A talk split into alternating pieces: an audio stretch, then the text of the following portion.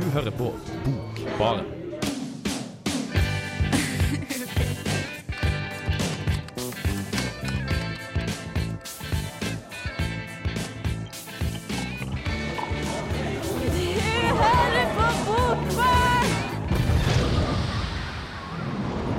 Og velkommen til Bokbarn, litteraturmagasinet på Radio Revolt. Mitt navn er Kristoffer Ervik, og med meg har jeg Vetle og Hanne Malene. Hallo. Hallo! Vi skal ha en eh, Rennberg spesialsending. Uh, skal vi ikke det? Det skal vi absolutt ha. Ja, Vi skal ha et virvar om han stavangermannen som har laga uhorvelig masse bøker til å bare være 40 noe år gammel. Er han bare 40 nå? Uh, jeg tror det. 40, faktisk. To, oi, jeg jeg trodde han var mye eldre. Fordi det, han har jo eh, Vi har blitt enige om at han hadde en slags eh, midtlivskrise. Fordi i disse dager, på forrige onsdag, så hadde han jo et arrangement med godeste Karl Ove og eh, Tønes. Tønes. Ingen vet hva det heter fornavn eller etternavn. Han Tønes, men vi bare kaller han for Tønes. Ja, Det funker helt fett. Folk vet hvem vi snakker om. Mm, vi skal også snakke om en del bøker som han har pratet om. ikke sant? Det skal vi. Eh, Jeg har med en gammel anmeldelse fra Dusken av Vi ses i morgen, som han ga ut i 2013. Jeg har også lest eh, Vi ses i morgen, så jeg ser frem til å snakke litt om den. Jeg har også lest eh, Kompani Orheim, så vi starter vel av med den først. Ja, jeg tror vi gjør det. Vi skal også snakke litt om som jeg sa, eh, Rennberg med venner, og hva vi syns om det. Så Hanne Malene, Vetle og Kristoffer, håper du har det bra.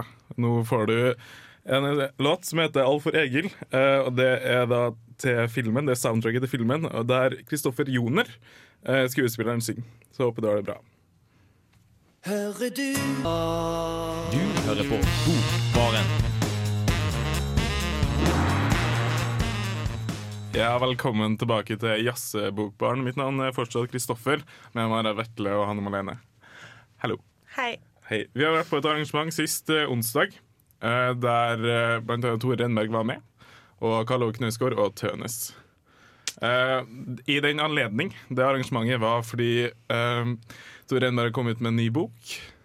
'Angrep fra alle kanter'. Eller kanter.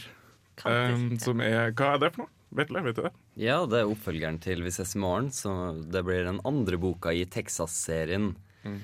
Som er hans nye prosjekt etter eh, Jarle Klepp eh, tok slutt. Som det måtte gjøre til eh, Ja, måtte det på en eller annen tidspunkt. Skal vi gi et slags eh, handlingsreferat? For vi er også heldige å være der, alle Ja. vi tre. Det var jo en god miks av musikk og litteratur, denne evige komboen som alle syns er så interessant. Eh, hvor eh, vi hadde mye av Knausgård og Reinberg synes de er veldig flinke, begge to. Eh, sånn Knausgård sier 'Å, men Reinberg, du er så flott forfatter', og Reinberg sier 'Å, men Knausgård, du er en så flott forfatter'. Eh, litt, ja, litt for mye for min okay. smak. Det ligner veldig på Jeg hadde med en artikkel forrige uke hvor jeg også følte litt på den 'Vi er de kule gutta', la oss sitte her og prate litt om tingene vi har drevet med fordi vi vet alt om litteratur. Det var litt der. Eh, det var veldig veldig interessant. Så var det litt sånn intervjuer og sånn, og så var det Tøne som kom og var skikkelig sånn 'Hei, jeg tar disse store egoene litt ned på bakken og er søt og spiller sangene mine som er helt random og veldig skjønne'. Og så var det til slutt 'Vi er tilbake til studentlivet, 90-tallet, vi var dritkule, vi spiller i band, la oss spille de samme sangene om igjen'. Det var litt, jeg følte det var litt greia. Grunnen til at de kjenner hverandre, var fordi at Knausgård var med i eh, studentradioen i Bergen. Bergen. eh, der han så Tore Enberg med en eh, Ole Robert Sunde-bok. Så han hei, jeg har lyst til å bli venner med deg fordi du leser kule bøker. Ja, det som er bra Nå har Kristoffer fått uendelig nye sånn, mengder med anekdoter å fortelle om forholdet mellom Renberg og Knausgård. Fordi vi fikk veldig mye sånne storyer av første gang de traff hverandre, og liksom, historier de hadde hørt om hverandre. Og veldig mye sånn Jeg visste ikke at de var venner før i tida. Det visste kanskje dere. Jeg visste det fordi jeg har, drevet, jeg har lest den artikkelen i forrige Ja, uke, så da Ja, fikk jeg jeg litt update. Ja, ok. uh, men uh, litt mer om hva de, de spilte også i band. For at de hadde et band i studietida, og så tok de litt opp igjen. Eh, hva syns dere om det? Ja, helt ærlig så uh, syns jeg egentlig de bør holde seg til litteraturen. Det er litt slemt å si. Det er bra det er med, vet du. Ja, jeg vet ikke. Det, det er jo en grunn til at de ble forfattere. Og uh, når de prøvde seg på å liksom uh, Jeg kan lage musikk også, da. He-he. Nei. Um, det, ble, det ble litt som vi har snakka om, at um, han, ja, vi fikk litt feeling av at, ah, Hva er det ordet? Midtlivskrise er ordet. Det, det er ordet. Men det var, altså jeg må si at det var, jeg, altså det var jæklig gøy. Jeg hadde det sykt morsomt. Jeg lo, og jeg syntes det var dritfestlig, og det syntes det var morsomt det de snakket om, men det var store egoer på scenen. Men herregud, når Knausgård etter liksom å ha stått og vagget fram og tilbake på scenen og lest opp fra Min kamp, setter seg bak et trommesett og bare slår løs Men liksom, den inderligheten, det var helt Å, det var så gøy. Og, og så var det så morsomt, fordi alle disse folka i bandet er jo sånn oppe i 40-50-åra, så var det liksom han ene fyren til høyre som sto og liksom bare balja ut! Ja. Liksom, og det var så jæklig morsomt! Men det var veldig sånn Altså Hvis dere ikke hadde vært kjentfattere, så hadde dere aldri i livet fått lov til dette her. Men fy faen, så gøy det er! Jeg synes det er veldig kult. Ja, det var mye bra musikk da, altså, spesielt når de avslutta med R.A.M. Det var, det var veldig fett. Men eh, sånn han uh, tredje mannen som jeg ikke engang gidda å lære meg navnet på, uh, hva het han? Er det Tønes du snakker om? Da? ja. Du for, Jeg syns han var helt forferdelig. Sorry, men, ja, men jeg synes han bare ødela hele altfor mye. da Jeg synes han var eh, kjempegod. Ja, men Jeg fikk liksom feeling at hun er masse litteraturfolk her, for at det er liksom Tore Renberg med randoms. Uh, og ok, jeg, jeg føler meg veldig slem nå. Men, Nei, men eh, herregud, Tønes var så fantastisk, og hørte det på teksten. Jeg hadde det kjempegøy med Ja, men- Tønes. Det var så deilig med noe som ikke er sånn. Jeg er så fantastisk. ja, men teksten hans var jo bare sånn her, han sang bare om hunden sin. Og så deilig. Ja. Nei, Gud, vi må gå litt eh, videre. Men du har vært så heldig å snakke med din ikke Tønes, men din store helt, Tor Renberg. Ja, ja. Det, det var jo interessant, det. Ja. Ja, Jeg intervjua han litt før arrangementet. Han eh, hadde jo veldig travelt, så fikk ikke prata så mye med han, men noe fikk vi i hvert fall ut av det. ja, og Kanskje vi hører på det akkurat nå? Har du en beste kulturopplevelse? Å, Herre min Jesus Kristus. At det er så mange. Det beste, liksom. Å, herregud. Altså, jeg så Hamlet på Rogaland Teater for et par uker siden. Det var helt vilt bra. Jeg har liksom Jeg har så mye gode kulturopplevelser. Jeg føler livet mitt har vært stappfullt av det siden jeg var ganske ung. Jeg er- lever jo for det. Jeg er et stakkar for gode konserter, gode teater, gode bøker. Eh, Men du vet, det er er vanskelig Det er et spørsmål jeg aldri kan svare helt ærlig på, fordi mange av de beste vil være de første. Det er ikke fordi de var, de antag, Du har antagelig sett bedre ting senere. Bare det at det første gang du leser en jævlig bra bok, eller at du opplever så sånn Det er som det første gang du kliner. sant? Det er, sånn, det er fordi det er fantastisk. Det er ikke sikkert hun dama egentlig var best å kline med. og Det liksom, det var første gang, da. Så, så gjør et så jæklig inntrykk. Så da jeg leste eksempel 'Forbrytelse og straff' av Dostojevskij, da var 14-15 år, og det slo inn som en sånn, vill eksplosjon i hele kroppen min og hele hodet mitt. Nå er det en av de beste bøkene i verden, men vanskelig å gradere sånne ting. Så jeg tror ikke jeg kan si til den beste. liksom, Du, du lever det der livet ditt, så er det masse bra du opplever. Om du har noen tips til en, eh, ja, jeg vet ikke, en ung student som kunne tenke seg å bli forfatter? Ja, jeg har det. Absolutt. Um, det ene er å lese så mye som overhodet mulig. Uh, tenke på at dette er det er samme tipset du ville gitt til en som skulle bli fotballspiller. Da må du se utrolig mye fotballkamper. Du må lære av de andre. Du må lese jævlig mye. Til og med lese ting du ikke liker, bare for å se hva de holder på med. Så det er håndverksmessig. Du må liksom forstå det. det et, um, og så må du skrive så mye som overhodet mulig. Det også, så Du kan òg nok en gang sammenligne med idrettsfolk. da. Uh, hvis, du, ballen, hvis du skal ha sjanse for å sette den ballen i krysset like ofte som Steven Gerrard gjør, så må du liksom ha gjort det så utrolig mange ganger at du liksom automatiserte. Nesten. Eh, så du må, du må jobbe så piske skinn. eh, Skrive så utrolig mye som du bare kan. Og da, hvis du skal få dette til uten at skal, altså, skal få dette til, så må du jo ha det bra med det. Det sier seg selv med en virksomhetsarbeid, tenker jeg. Så da må du gå for det du liker, da. Prøve å ikke Ja. Prøve å følge, følge hjertet for, for å bruke en pompøs måte å si det på. Og skrive det som du kjenner du brenner for. Liksom. Det er antall arbeidstimer, altså. Tenk at jeg var, jeg var veldig heldig som begynte tidlig å skrive. Sånn at jeg hadde liksom jobba lenge. Blitt kompis med språket. Sånn at det handler mye om det. Og ikke føle noen frykt. Ja, det her er Tore Renberg, og eh, du må jo selvfølgelig høre på Bokbaren. Ja, så bra. Det gjør du helt sikkert nå. Eh, mitt navn er fortsatt eh, Kristoffer, og vi har pratet litt om eh, Renberg med venner og Vetle, som med min eh, side står. Du har jo vært så heldig å intervjue han. Ja, Syns du det var kult? Det var veldig gøy. Mm.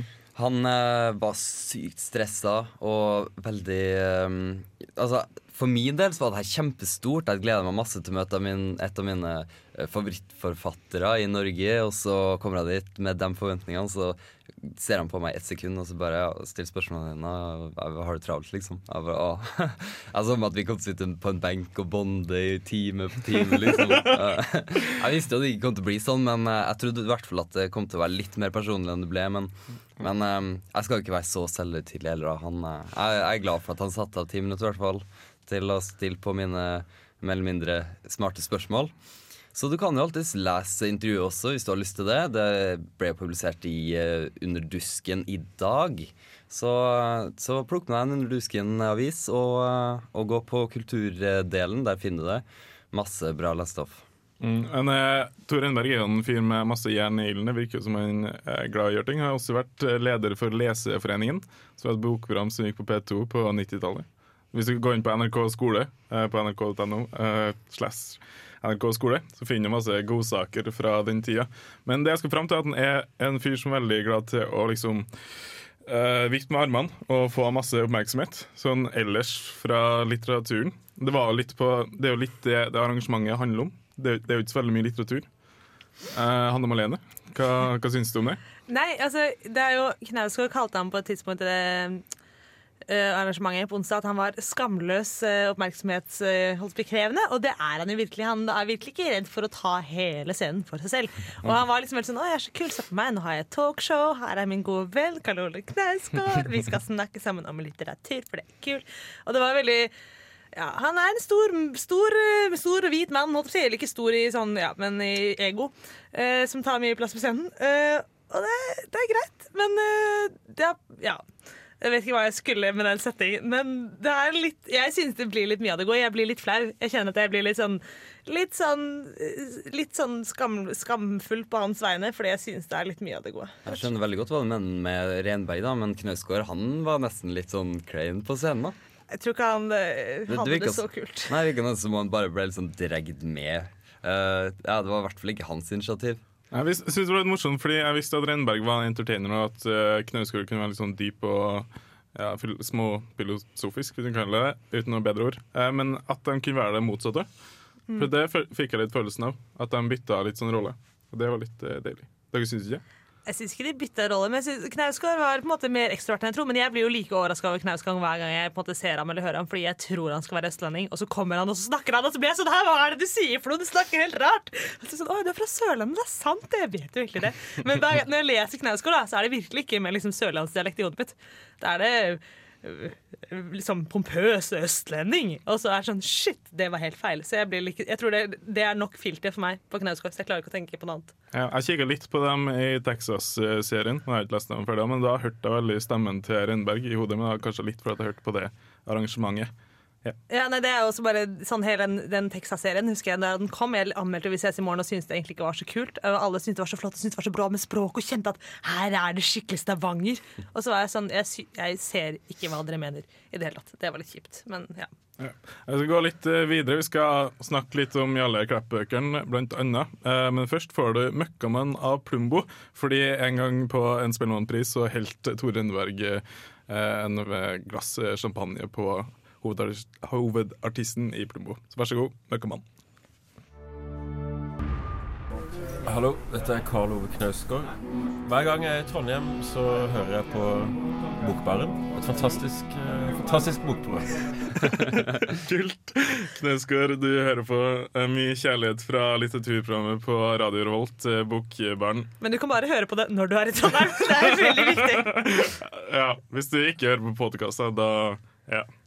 Fint. Eh, vi skal prate litt om eh, Nei, først så må jeg unnskylde, fordi jeg sa at det var Tore Renberg som helte eh, et glass champagne på han Plumbo-artisten. Men det var det ikke. Det var han bassisten i Kaizers. Gitaristen, ikke? Gitaristen ja. Men kanskje hun kunne spille bass òg. Nei, Kristoffer, nå er det tull i fun factsene dine. Det Jeg syns, men jeg syns den ligner litt på en Potato Head i Toy Story. Så hvis du har en sånn eh, Hvis du har sett Kaizers en gang og syns du så en karakter fra Toy Story, så var det kanskje Mr. Potato Head Kaizers mann.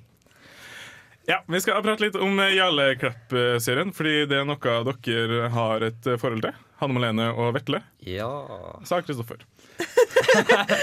Ja, nei, men jeg elsker den serien her. Den har betydd veldig mye for meg opp gjennom årene. Spesielt Kompani Orheim, så Ja, det er jo ikke så rart. Jeg må, hva vi snakket om det i stad.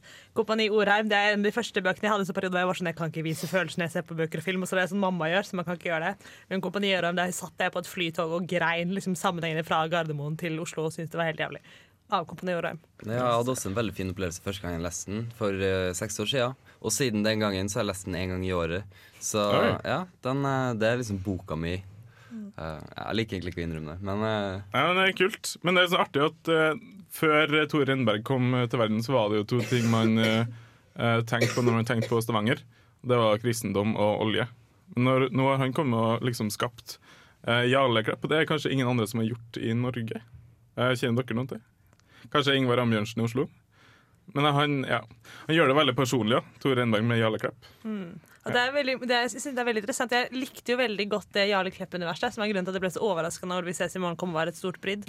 Og det er liksom Den halvselvbiografiske verden til Jarle Klepp syns jeg er en utrolig vakker verden. Så det syns jeg godt om. En del av den Jarle Klepp-serien er jo Kompani Orheim, vet du. ja. Du, ja. Andre boka, Ja. eller i tidsforløp, så er det første boka, for den tar for seg oppveksten hans. Og eh, ja, litt av tida på ungdomsskolen også. Du har laga en sak om det? Ja, Skal vi høre på den? Det kan vi gjøre. Historien om livet til den fiktive personen Jarle Klepp utspiller seg i fem prisbelønte bøker, skrevet av den norske forfatteren Tore Renberg. Ungdomstida som er prega av identitetsforvirring og forelskelse, og studentlivet i Bergen som blir snudd på hodet da han plutselig får vite at han har en datter. Som leser følger man Jarle gjennom flere faser i livet, observerer hvordan han danner sin egen oppfatning av seg selv, og hvordan personligheten hans utvikler seg. Det er tydelig at miljøet Jarle vokser opp i, og de mellommenneskelige relasjonene til foreldrene, venner og kjærester har stor påvirkning. Dessuten har Renberg brukt veldig mange hendelser fra sitt eget liv til å utvikle denne fiktive figuren, samt interessen han har for godhet og det godes problem. Dessuten har Renbergs syn på opinionens behandling av ungdommer på 90-tallet og hans menneskesyn påvirka Jarle. Kompani Orheim er den andre romanen som ble utgitt om Jarle Klepp. Den tar for seg Jarle gjennom oppveksten og forholdene hjemme.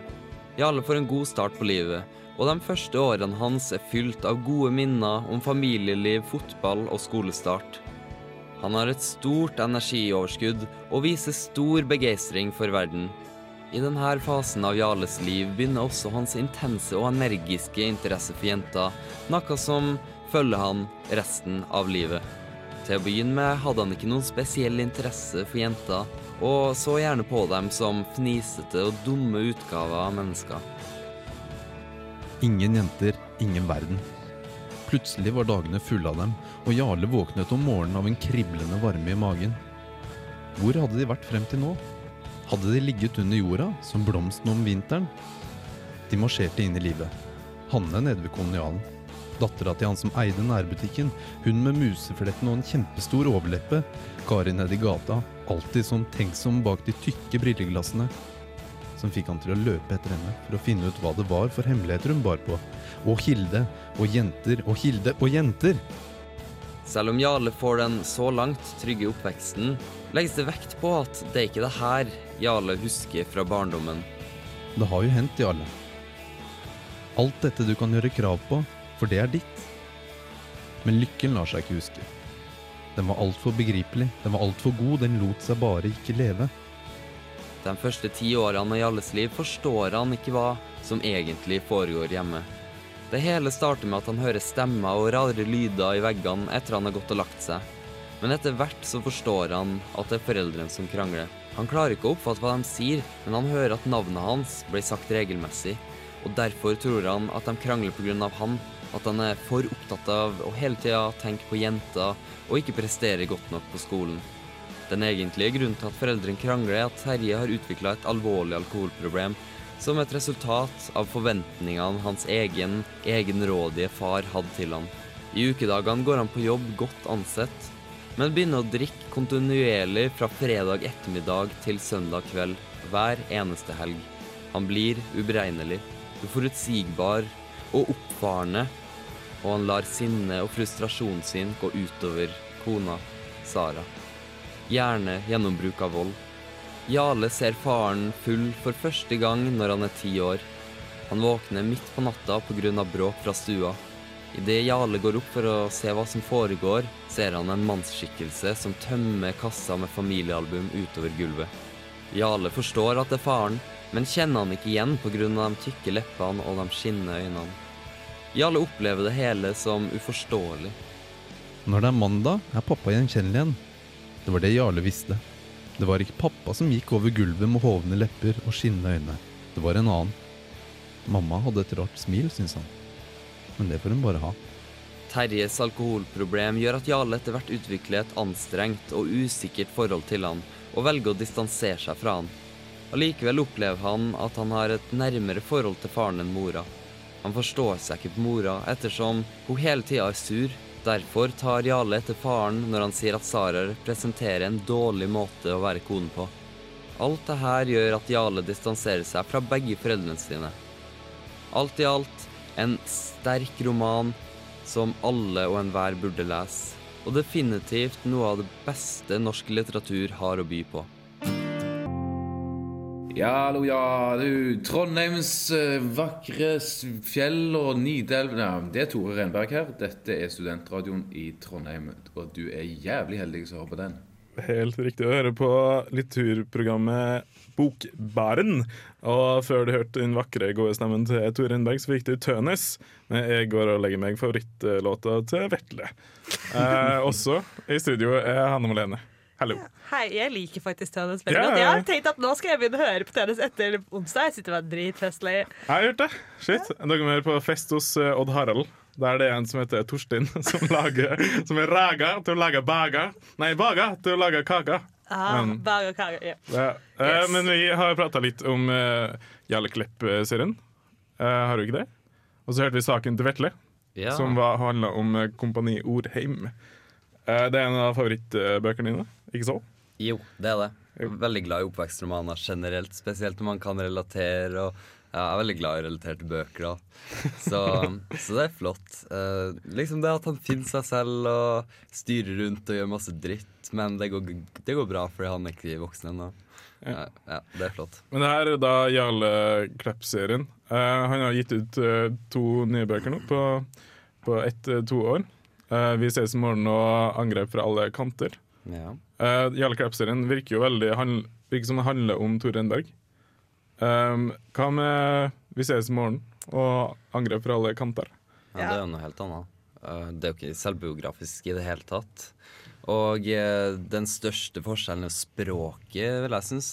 Jeg vil jeg si. Den, eh, det, det er ikke noe Altså, i, i uh, Jarl Klepp-serien så er det et skikkelig koselig språk. Som det er bare så herlig å sitte med boka i hånda, og, og det er veldig avslappende. Men når jeg sitter med, med Texas-serien, så virker det så kunstig tvingt fram. Det er liksom han later som han Eller prøver å være noe han ikke er. Og uh, han skriver også bare ordet 'fuck' er helt malplassert i mange setninger. Har du lagt merke til det? Det er helt, altså, hele den greia er så mye fuck og fitte og faen og satan, og det er så utrolig påtatt. Det er nesten ingen som snakker sånn. Og det provoserer meg så utrolig. Og nå, også på dette arrangementet så snakket liksom Renberg veldig om at her har han funnet seg selv Ja. og sin skrivetype, og liksom hvordan han endelig hadde kommet liksom inn i det fiksjonelle og skrevet fram karakterer som var så troverdige. Hvordan han hadde skrevet fram hun som heter Sandra, som er en sånn kristen pike i denne Vi ses i morgen. Eh, skrevet fram henne og følt at han smeltet sammen med denne 16-åringen. Og det er bare en av de mest utroverdige karakterene jeg har lest. Så for meg så var det så sykt provoserende og så sykt trist å sitte der og liksom Forfatteren av bøker jeg virkelig har digget, bare si sånn Nei, men det, før, det var bare sånn selvbiografisk, jeg måtte på en måte bare gjøre det for å prosessere. Men nå har jeg funnet meg selv som forfatter, og det er i dette språket som bare virker så utrolig påklistret og så utrolig påtatt, og det er så slitsomt. Det er så latterlig slitsomt med alle disse karakterene som er så utrolig insisterende hele, hele tiden på at nå skal jeg snakke og lage masse lyd, og jeg skal fortelle mitt liv, og jeg er 16 år gammel, eller jeg er 28 eller 50, og se på meg, jeg er kul, og det er bare helt jævlig. Men uh, godeste Tore Rennberg på det arrangementet, Rennberg med venner, sa at han uh, grunnen til at han skrev de bøkene, her var fordi når han var liten gutt, så var det sånn raddis eh, eh, Nei, det var sånn, en Gjeng. drittsekk-bøller Mm. som var og sprang rundt der han bodde. Uh, jeg vet, Vi har kanskje ikke noe kjennskap til det miljøet i Stavanger, men jeg tenkte kanskje hvis de hadde sett veldig mye på MTV og sånne ting, at de liksom skapte et sånt språk der. da Altså, Det, kan det, det de snakket. Det kan godt hende at de snakket sånn at det egentlig er autentisk, men det er jo det at det ikke virker autentisk. Ja, og det er på en måte litt sånn Det er jo forskjell på det som er sant og det som virker sant, eh, og det virker virkelig ikke sant. Og det, måte, vi vet jo at han har gått veldig utenfor sitt eget miljø, da, selv om det kanskje har vært noe som har omgitt han med den gjengen, så er det jo ikke Renbergs miljø, og det føler jeg kommer veldig tydelig fram. Nei. En annen ting er jo handelsforløp. da Jeg vet ikke hva du syns om det, men de, for min del så var det 400 sider som bare bygde opp til det her eh, utrolig store uh, tingen på slutten som, uh, som du bare måtte kjempe deg fram til. Men når du endelig kom til det, så det var spennende, og det skal han ha. Uh, det, var, det var et par kapittel der hvor, eh, hvor alt skjer. Hele boka bare Tusen ting. Eh, det, det var god lesing. Så han hadde, han hadde et par gode kapitler. Eh, Ja, jeg snakker også om det. det er jo den anmeldelsen kommer nå. Det er den jeg skrev i 2013, blir det vel, eh, da denne boka kom. Og da snakker jeg nettopp litt om det. at Det er utrolig mange sider og veldig mye Handlingen slår seg selv veldig i hjel med alt som skal skje, og hvordan det er, Og så står det på baksiden av boka at en av dem vil ikke overleve disse dagene i september, og så er det veldig teit. Men det kan vi bare høre på nå, kan vi ikke det? Ja, nei, Først så kommer det en eh, låt eh, faktisk av De aller verste, som eh, faktisk broren til Karl Ove Knausgård har skrevet. Yngve Knausgård har skrevet en bok om det aller verste. Her får du låta 'Material 31'. Eh, Ja, jeg heter Dag Solstad, og dere hører nå på Bokbaren, og der er altså jeg. Tore Renberg, mannen som kanskje er mest kjent for bøkene om stavangergutten Jarle Klepp, har kommet med en ny og annerledes roman. Vi ses i morgen handler om mye jeg ikke klarer å relatere meg til. Vi har en noe tafatt og kriminell bande. En 15 år gammel kristen pike med en hemmelig kjæreste med flere utslitte fosterfamilier bak seg. Vi blir vist inn i familielivet til Pål, som har pådratt seg en spillegjeld på én million. Han har to døtre som han er alene om etter at kona stakk av til Bergen med en annen mann. Det er mye dramatikk i denne boka. I løpet av seks dager følger vi livet til en noe sammenrasket gjeng med mennesker, hvis veier krysser hverandre én etter én. Det er høst i Stavanger, og det er faen så vakkert. Men handlingsforløpet lar seg ikke affisere og ruller videre som bare skjebnebestemte handlinger kan. Tempoet er kanskje det som setter meg ut i denne boka. Romanen er delt opp i dager, og under dette har vi kapitteltitler som i en parentes forteller oss hvem i Renbergs karaktergalleri som fører ordet. Vi skifter mellom elleve personers fortellinger og presentasjon av seg selv og hverandre. Enkelte av rollefigurene klarer her til tider å vekke min sympati, og Renberg beviser igjen at han kan dette med mellommenneskelige forhold. Men det er slitsomt hvor pågående språket er hos nesten alle. Stavangerdialekten skimtes knapt, og er mest synlig en over gjennomsnittlig benyttelse av ordet kjekt. Aldri er så mye kjekt som i Stavanger. Det er liten ro å få i romanen, selv om handlingen tar seg god tid. Alle beslutninger som tas er store og tankerekkende mange. Spørsmålet er ikke om det skal gå til helvete, men hvor mye og for hvor mange. Selv i passasjer hvor det skjer lite eller ingenting utenfor hodet til fortelleren, er det sjelden jeg klarer å lene meg tilbake og slappe av. Der jeg kunne blitt forelsket i språk og tankerekker, forsvinner de bak forventning om at det snart skal og må skje noe. Handlingen slår i hjel øyeblikkene. Vissheten vaskeseddelen gir om at noen av dem kommer ikke til å overleve september i Stavanger, tilfører lite og berøver mye. Romanen vil være full av spenning, men jeg er ikke helt med. Med dialog som 'Jeg hadde fuck knust skallen på dem', tar Renberg skrittet inn i en annen del av Stavanger. Og jeg klarer ikke helt å følge etter. Du hører fortsatt på Bokbarn eh, på Radio Revolt, og du fikk nettopp høre sangen til Hanne Malene Lindberg, eh, 'Vi ses i morgen, hjerte'. Eller 'Vi ses i morgen'. Eh, Ikke noe særlig hjerte der, altså, jeg beklager, men det er lite hjerte. Nei, lite hjerte. Ok. Uh, men uh, den serien her, Texas-trilogien, er en serie, eller to bøker da, som har veldig mye med musikk. Eller det er en del uh, musikalske referanser. Det er kanskje de Jarle Klepp-bøker nå, jeg vet ikke. Det er jo det. Ja. Eh, pleier dere å sette på de sangene når dere, hører, når dere leser boka? Det er veldig sjelden, men det er noen ganger For eksempel Furuset av Linn Strømsborg. Da, fordi jeg har hørt eh, Jeg leser og skiller henne først, og da var jeg sånn Å, men hun liker samme type musikk som meg. Så når hun da nevnte musikk som jeg ikke hadde hørt på, så gikk jeg og søkte det opp etterpå. Men det er veldig, veldig sjeldent. Eh, men Reberg prøver veldig å legge rette til det, fordi han har jo Eh, det kommer etterpå nå, så kommer det en sang som heter Vi ses i morgen, som det er han der Jan Ove i Kaiser som har laget. Som ble laget til lanseringen av denne boka. Eh, og nå til Angrep fra alle kanter så er det Tøne som har laget Indianarar. Mm. Eh, som liksom booktrack, da. Det var liksom sykt nytt og kult da dette kom i fjor. Eh, til bøkene. Um, og I tillegg til dette her, så har da Renberg gått inn på Vi ses i morgen. Så finnes det på Vimp så finnes det spillelister til alle de forskjellige karakterene. For det er sånn elleve forskjellige karakterer i boka som liksom skal ha hvert sitt språk og hver sin stemme. Da. Men jeg, jeg vet, la vel komme frem til at de høres ganske like ut. Det er ganske slitsomt alt sammen, uansett hvem det er som snakker. Men så har han da laget spillelister til alle de forskjellige karakterene med liksom, dette er musikken de hører på. Og jeg husker at jeg var sånn, ja, dette skulle jeg skrive også en sak om under rusken. Dette gå. dette er også grunnen til at jeg har Vimp, for disse ligger på Vimp, da, hvis dere lytter har lyst til å høre på disse her.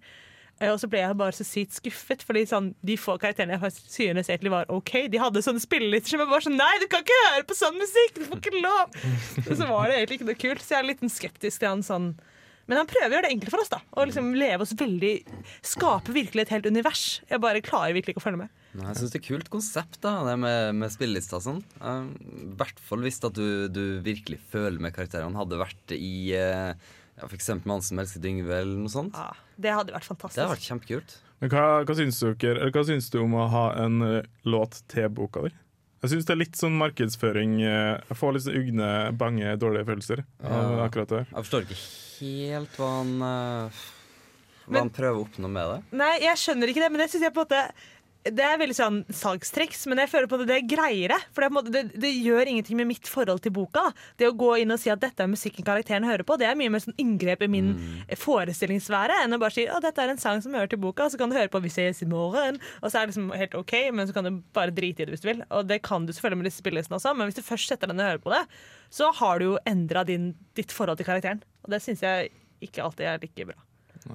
Jeg bare for den, jeg har lest eh, Johan Harstads eh, 'Ambulanse', mm. andre novellesamlinga. Der nevner jeg en karakter som hører på Bob Hund. Og etter, eh, han, eh, etter at jeg så det, så hørte jeg veldig mye på Bob Hund. Mm. vi skal gå litt videre. Vi skal høre faktisk på låta til boka som Hanne Lene har prata om, eh, som heter 'Vi ses i morgen' av Jan Ove Ottesen.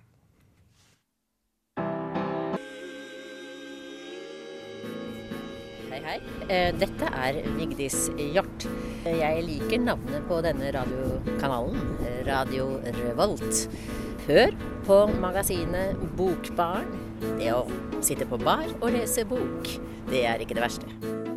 Ja, velkommen til Bokbarn på Radio Revolt, litteraturmagasinet i, i Trondheim. Vi, vi tar liksom monopol på det. Eh, men vi hørte uh, Viva la eh, vida av Coldplay. Hvorfor er det en relevant uh, sang til, eller låt til programmet her? Eller, Rudi elsker den låta. Rudi, Det er ja. en veldig guilty pleasure. Ja, altså fra Vi ses morgen. Mm. Han er jo egentlig en metal-mann, og det er jo alle i gjengen hans. Men når han hører den sangen her på radioen, så begynner han nesten å gråte. Så han går og kjøper seg CD-en, og det er egentlig veldig fint at han kan like noe annet òg, selv om de andre ikke er enig med meg i det. da. Det er kanskje en av de finere passasjene. For han er sånn, det er så trist. Det handler om en konge som ikke er konge lenger. Og så syns han det er veldig vakkert. Det er veldig koselig. Men jeg hørte også en jingle med Vigdis Hjort. Og hvorfor er hun relevant for ah, livet framover? Alt er relevant for livet framover, fordi det er Trondheim litteraturfest nå fra fra og med i morgen, faktisk. I morgen så er det kriminell fest på Hovedbiblioteket klokka sju med Cappelen Dams krimforfattere. Eh, og så er det da på fredag er det da Vigdis kommer på Dokkhuset klokka sju til litterær festaften. Og der kommer også Carl Frode Tiller, som driver og popper opp på alle litterære arrangementer i Trondheim for tiden. Eh, og Tove Nilsen og litt sånn kule ting. Og så i tillegg så har vi Det er masse program, dere må bare gå og sjekke dette på litterær eh, Trondheim litteraturfest på internettet. Men også på lørdag så er det faktisk foredrag av to av eh, foreleserne på NTNU. Eh, Nylander og Susanne Bollmann klokka tolv etter på Hovedbiblioteket. Yes. Ja, Men vi har også noe i morgen, fordi i morgen på Samfunnet i eh, biblioteket så har vi bokstavelig talt hvor Ann B. Ragde kommer og snakker om Jeg har Kjemma? kjemma? Nei, Nei. hun kommer ikke, men de snakker om Nei, selvfølgelig I ånden kommer hun ikke. Herregud. I Men eh, noen litteraturvitere fra NTNU kommer i hvert fall for å snakke om Anne B. Ragde sin nye bok. Jeg har et teppe i tusen farger. Så kom dit klokka sju. Vi kommer til å være der. Ja, mm, supert. Jeg- jeg- Mitt navn har vært Kristoffer. Uh, Med meg har hatt Vetle og Hanne Malene. Vi har også hatt med en tekniker, Ingvild Aas. Vi fikk faktisk sekser på nynorskeksamen Eller nynorsktentamen i åttende klassen fordi hun hadde lest eh, 'Mannen som elsket Yngve' dagen før. Uh, supert. Takk for at du hørte på. Takk for den Rennberg-sendinga, og vi snakkes en gang. Nå får du R.E.M. med 'The One I Love'. Ja.